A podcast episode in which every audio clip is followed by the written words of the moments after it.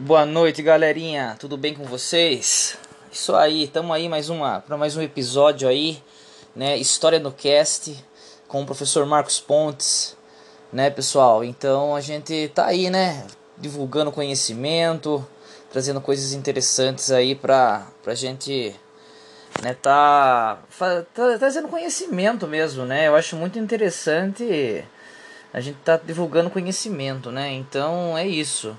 E então, pessoal, estamos aí, né? Vamos ver o que Deus vai preparar, né? É, mais um episódio aí, vamos falar sobre, né, a família, né? Vamos falar sobre as grandes navegações, né? É, os motivos, né, para que, que quais foram os motivos que levaram, né, os europeus, né, os portugueses a empreenderem, né, essas essas grandes viagens, né, marítimas, né? É, um dos motivos, né, foi a unificação precoce, né, a guerra de reconquista, luta contra os árabes, os mouros. É, então é coisas muito interessantes.